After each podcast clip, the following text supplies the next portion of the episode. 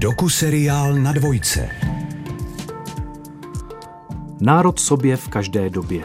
To je název čtyřdílného seriálu ke 140. výročí znovu otevření Národního divadla. Autor Petr Zahrádka si k vyprávění jeho historie vybral dvě pomyslné divadelní masky. Komedii a tragédii. Ty vám ve třetím díle povypráví o období od konce druhé světové války až do sametové revoluce.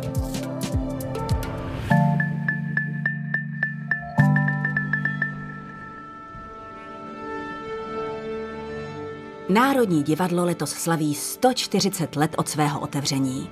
A my jsme pro vás připravili čtyřdílný seriál, který připomene to nejlepší Ale zároveň i to nejhorší. z jeho historie. Nebereme to příliš vážně, tak snad nebudete ani vy. Tímto vyprávěním vás provedu já, tragédie, s hlasem Jany Strikové. A já jsem tu jako komedie s hlasem Martina Pechláta. Tragédie je ta, která přináší city a poučení. Komedie zase obstarává zábavu a smích, tedy alespoň občas.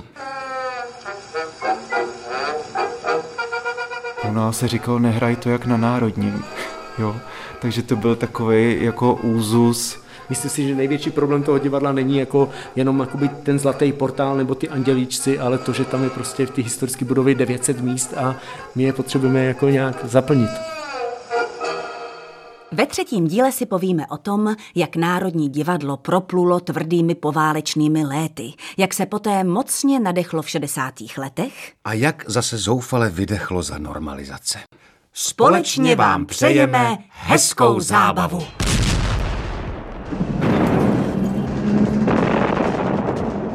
Je tu konec války a v Národním divadle je znovu obnoven provoz. Bylo to přesně 27. května 1945 a hrála se, jak jinak, Smetanova Libuše.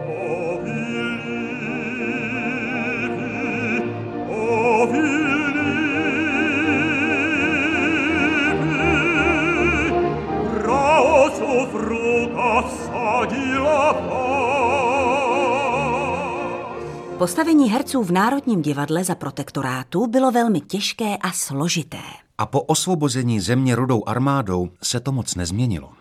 Ministr Zdeněk Nejedlý Známý též jako Rudý dědek, si po válce osobně zasedl třeba na Václava Talicha, Zdeňka Štěpánka, ten si dokonce odseděl rok ve vazbě. ale také třeba na Karla Hégera, který byl za Heidrichiády nešťastně vyfocen, jak přísahá věrnost říši. Navíc s Němci roztočil kolaborantsky vyznívající film o svatém Václavovi, kde hrál hlavní roli. Film naštěstí nebyl nikdy dokončen. V případě Karla Hégera byla obvinění obzvlášť absurdní, protože Héger při vyšetřování před občanskou komisí dokázal, že za války finančně podporoval několik rodin. Jejich členové se ocitli v koncentračních táborech. Uchovával také majetek jedné vězněné židovské rodiny. Ve svém pražském bytě dokonce poskytl útočiště spisovateli Františku Kožíkovi, hledaného gestapem. Navíc Karel Heger v období 1943 až 1944 vozil z Prahy na Zlínsko a zpět šifrované zprávy a nejméně dvakrát tajně navštívil židovské ghetto v Terezíně, aby tam někomu přivezl léky, což byl velmi statečný a riskantní čin. Heger byl komisí očištěn. Ale i tak se mu různá obvinění vracela celou dobu 40. a 50. let. Chceme, aby Národní divadlo znamenalo pro socialismus tolik, co znamenalo v minulosti pro národní osvobození. Deklamoval za normalizace Josef Velda. Aby jeho pracovníci jako jeho předchůdci ve funkci národních buditelů vystupovali dnes jako buditelé socialističtí.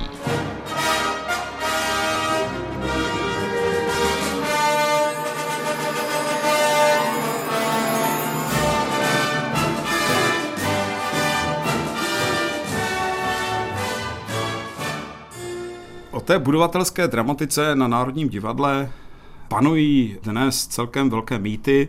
Je třeba si říct, že samozřejmě dramaturgové přebírají vzor socialistického realismu a snaží se na repertoár dostat sovětské autory a hledají u českých autorů také kvalitní dramatiku, ale ono se jim to nepodařilo.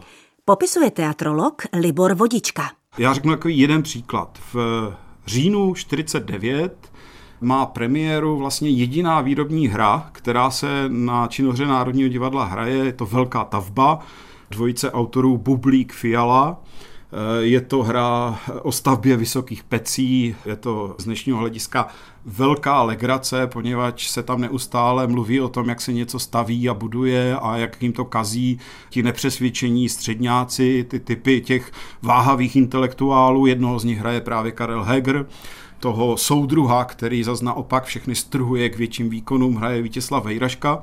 Ten příběh vrcholí tím, že postřelí tady právě toho váhajícího intelektuála Karla Hegra, který tam leží v krvi, ale nezemře, naštěstí je zachráněn a ten soudruh eh, říká něco v tom smyslu, jako podívejte se, to je první velká tavba této pece ještě dřív, než jsme ji rozjeli. Ono to vyznívalo tehdy tak cynicky, že si to ti soudruzi velmi rychle uvědomili. Takže tato hra, která měla tuším 12. října 49 premiéru, se už v lednu nehrála 50 v tichosti stáhli z repertoáru a už si netroufli jenom tak snadno sáhnout po nějaké budovatelské dramatice.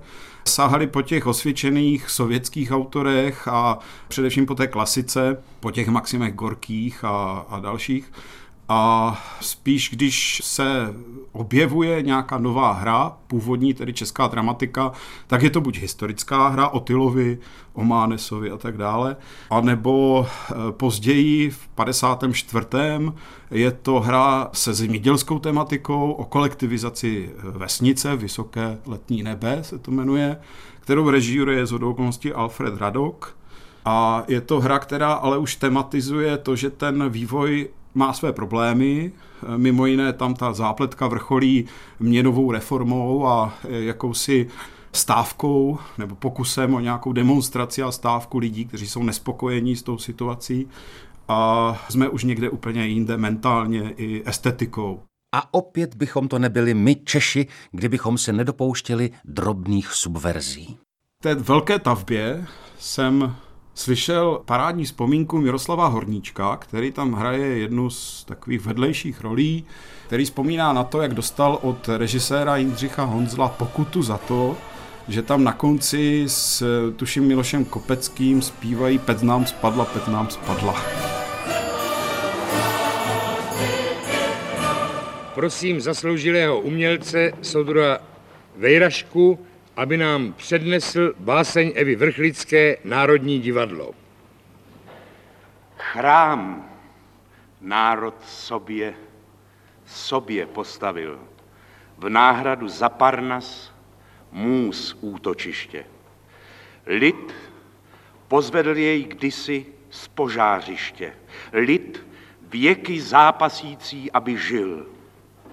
Náš lid jenž z umění rád čerpal sil, jak pro boj přítomný, i možná příští.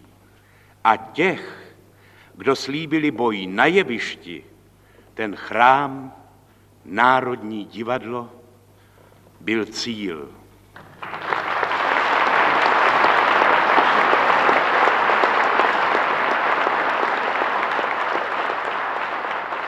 Herec Vítězslav Vejraška patřil mezi uznávané české herce.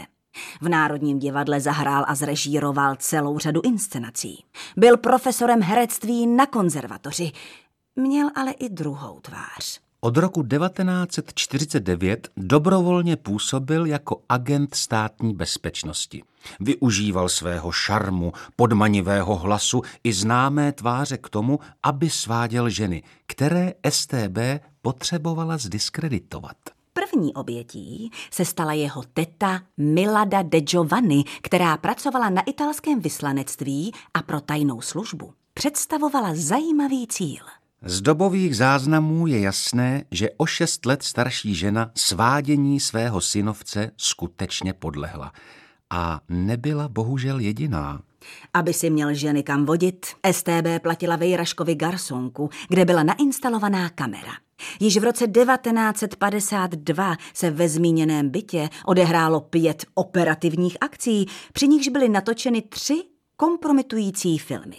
Celá operace nesla název Akce film.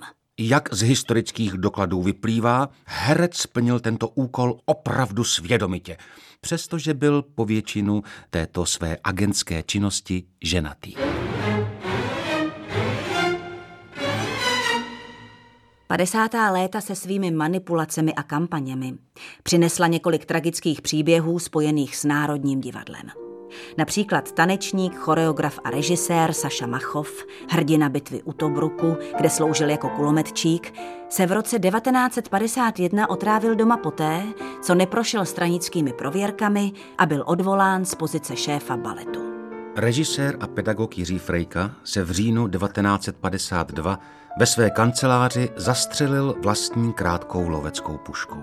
Režisér a herec Jiří Plachý vyskočil v roce 1952 z okna.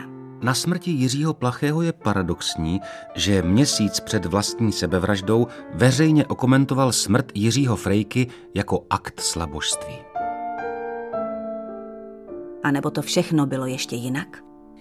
Byl to pan Josef Kemr, který nechal udělat pamětní desku, kterou na vlastní náklady umístil na domě, kde žil herec Plachý, který ze záhadných okolností zemřel. Tradovalo se, že vyskočil z okna, ale pan Kemr byl přesvědčen, že ho k tomu tehdejší státní bezpečnost donutila, že ho prakticky z toho okna vyhodili. Vzpomíná archivářka Národního divadla Marie Hradecká. V roce 1951 přišel do Národního divadla Otomar Krejča, zatím jako herec. V té době byl věkový průměr herců v Národním 54 let, takže přestože bylo Krejčovi v té době už přes 30, byl tam jeden z nejmladších. Netrvalo dlouho a tehdejší vedení divadla rozpoznalo v mladém herci a začínajícím režisérovi velký potenciál a v roce 1956 ho jmenovalo uměleckým šéfem činohry. Krejča začal okamžitě budovat nový herecký soubor a přivedl pozdější velké hvězdy, jako jsou třeba Luděk Munzar, Marie Tomášová nebo Jan Tříska. Je zvláštností, že v době svého šéfování v Národním pohostinsky režíroval divadlo i v kubánské Havaně.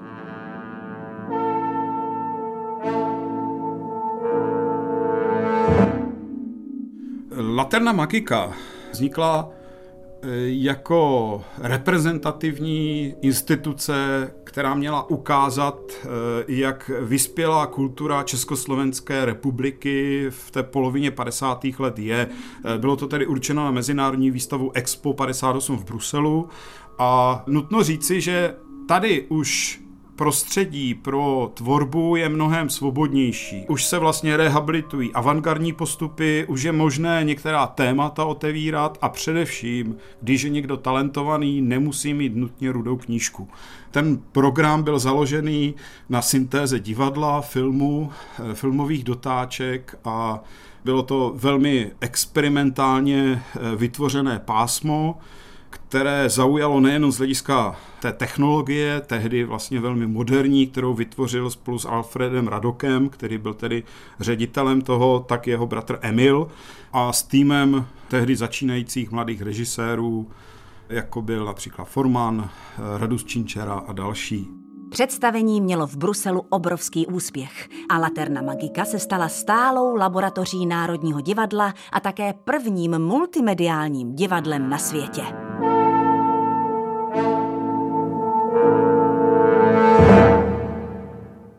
Hru Konec masopustu si Národní divadlo objednalo u Josefa Topola v roce 1963.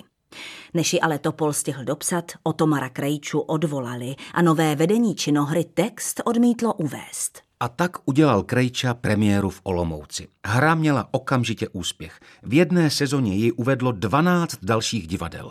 Až pak teprve hru, která byla pro národní napsaná, v národním uvedli. Možná stojí za to vzpomenout asi nejzásadnější Krejčovou inscenaci a to je inscenace Roma a Julie Shakespeareova s Janem Třískou a Marí Tomášovou v hlavních rolích. Samozřejmě Shakespeare se hraje v každé generaci a každá generace si ho udělá po svém, ale to je až náš pohled.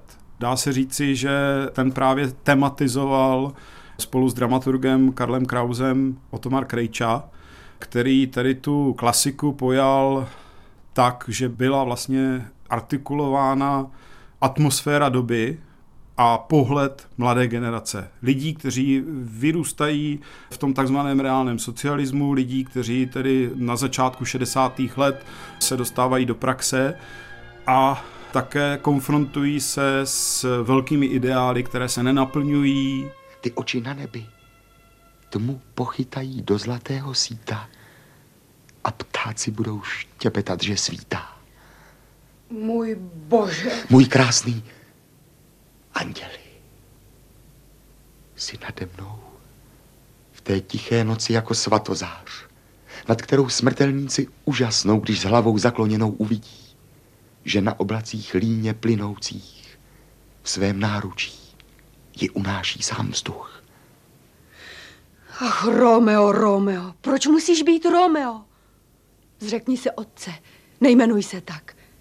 Nebo když nechceš, měj mě k smrti rád, a přestanu být Kapuletova. Byla to hra o právu na štěstí, o toleranci. Tento Krejčův výklad byl ze začátku při zkouškách některým účinkujícím straníkům trochu proti srsti. Před premiérou se ještě z různých stran ozývaly skeptické předpovědi o neúspěšnosti nového kusu. Opak byl ale pravdou. Krejča hrdě vypráví o Pítru Brukovi, který ho už o přestávce premiéry objímal a volal Vy jste udělal East Side Story, já to nedokázal. Brook Krejču následně doporučil, aby v Bruselu v roce 1965 místo něj nastudoval Hamleta. V Bruselu pak Krejča ještě režíroval Racka, Tři sestry a opět Rómea a Julii. V Bruselu bylo možno pracovat jaksi podle svého s daleko menšími obtížemi, než jsem předpokládal, protože všechna divadla bruselská, dá se říct, že všechna divadla na západě jsou zvyklá na to, že režiséři se střídají a celý ten organismus divadelní je zvyklý na to vždycky znovu a znovu se proměnit k potřebě toho kterého režiséra. Popsal v roce 1965 svou zkušenost Otomar Krejča. To Národní divadlo po začátku normalizace se opět ocitlo v hledáčku ideologů, politiků, kteří opět vrátili tu otázku, že Národní divadlo má sloužit moci a samozřejmě v první řadě to znamenalo přehodnocení dramaturgie. Význačná překladatelka Luba Pilarová působila v činohře Národního divadla v letech 1968 až 1974 jako dramaturgině pro západní dramatiku. Když jí předložili plán činohry a požádali ji o vyjádření, hned v úvodu plán zhodnotila slovy. Žasnu a marně hledám slova nad mírou této ubohosti. Následně opustila Pelarová divadlo středem.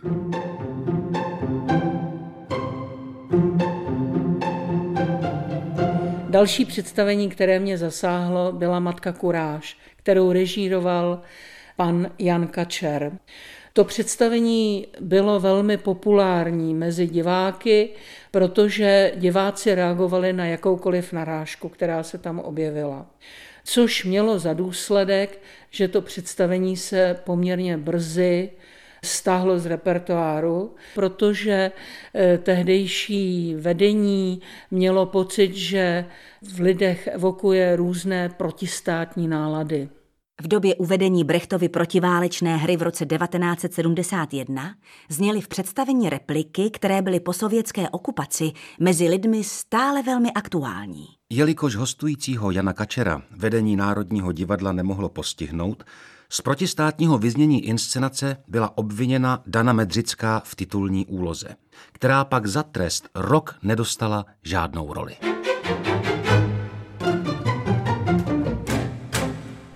Jedno z těch témat, která se dnes často připomínají, tak je také anticharta, eh, neboli tedy zhromáždění tvůrčích pracovníků, představitelů kulturní obce v Národním divadle pátek 28. ledna 1977, kteří tedy eh, měli projevit svou lojalitu k tehdejšímu režimu a eh, nás samozřejmě okamžitě napadá, asociuje nám to jiné zhromáždění herců v Národním divadle a to tedy v době Heidrichiády.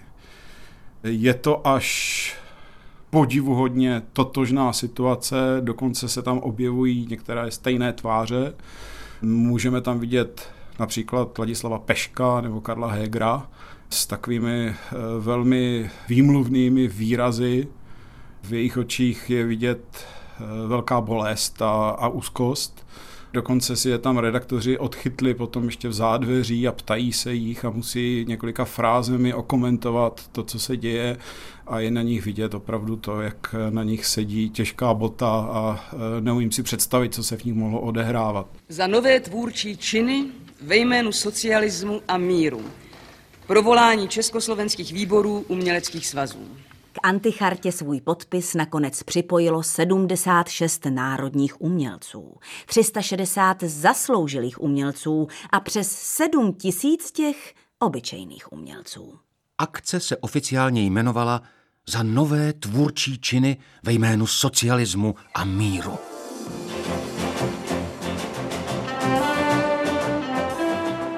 15. dubna 1977 mělo v Laterně Magice premiéru představení Kouzelný cirkus. Celkem se odehrálo 6500 repríz. V hlavních rolích se vystřídalo 22 veselých klaunů, 25 smutných klaunů, 25 svůdců, 33 venuší. Kouzelný cirkus hrála Laterna v 17 zemích světa s více než 550 reprízami.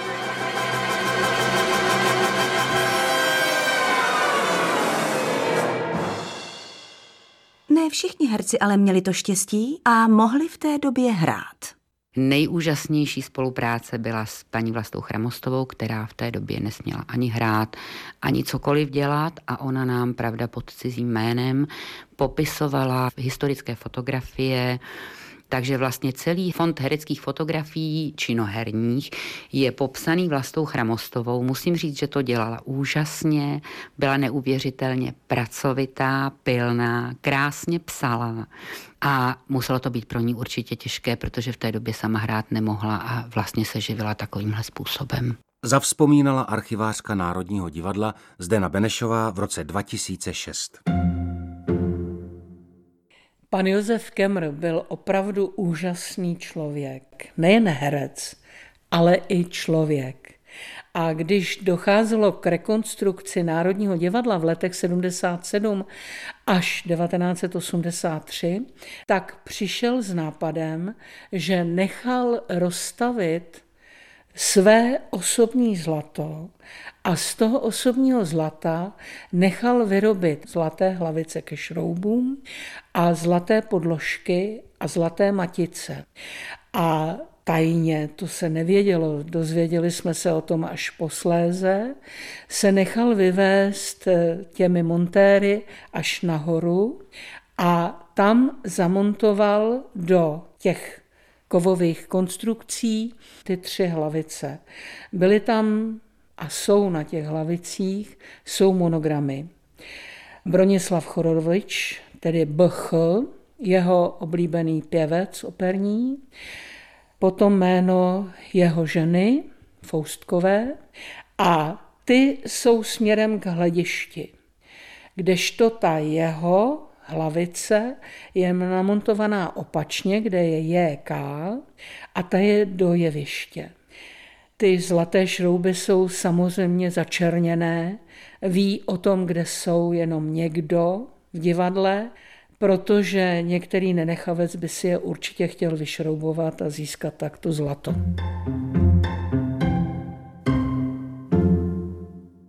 Posledním představením před uzavřením Zlaté kapličky byla v roce 1977 Jiráskova Lucerna. Rozsáhlá rekonstrukce a dostavba, završená 30. září 1983, dala české první scéně její současnou tvář, ke které už neodmyslitelně patří i sousedící nová scéna, kterou navrhl architekt Karel Prager. Nová scéna se v roce 1983 otvírala s drakonickým dudákem. Dorotko Trnková, milenko Žvandová, jen nechvátej, až vypiju a s ním pak půjdeme, za ním půjdem za ním. Když mluvíme o normalizaci v Národním divadle, tak já bych určitě rád připomněl pozoruhodnou éru Milana Lukeše, který přichází na sklonku roku 1985, je jmenován ředitelem činohry, Přichází ale v situaci, kdy Národní divadlo, především tedy činohra Národního divadla, je někde úplně na dně svého uměleckého výkonu, své skutečné společenské dosažnosti, z komunikace s diváky. Je to ta výkladní skříň režimu, ale velmi taková jako zašla a tak říká, neproniká světlo slunce jí. A tady ten Milan Lukeš přichází jako rozhodně, jak se říkalo, kádrová rezerva, ale On během těch eh, čtyř sezon velmi dynamizoval činohru Národního divadla. Podařilo se mu získat do angažma tehdy mladé, už ne začínající, ale eh, velmi progresivní režiséry, jako například Miroslava Krobota. Někdy se připisuje Raimontovi, že přitáhnul ze sklepa herce z malých divadel a z studiových scén. Byl to právě Milan Lukeš, který eh, s tím začínal, protože chtěl omladit soubor a chtěl, aby ta témata, která postupně dramaturgii chtěl otevírat, tak aby souzněla taky s tou hereckou tělesností. No a po sametové revoluci se Milan Lukeš stal prvním ministrem kultury ve svobodných časech. Připomínám, že za KSČ, ale o tom zase až příště v našem čtvrtém a posledním vyprávění.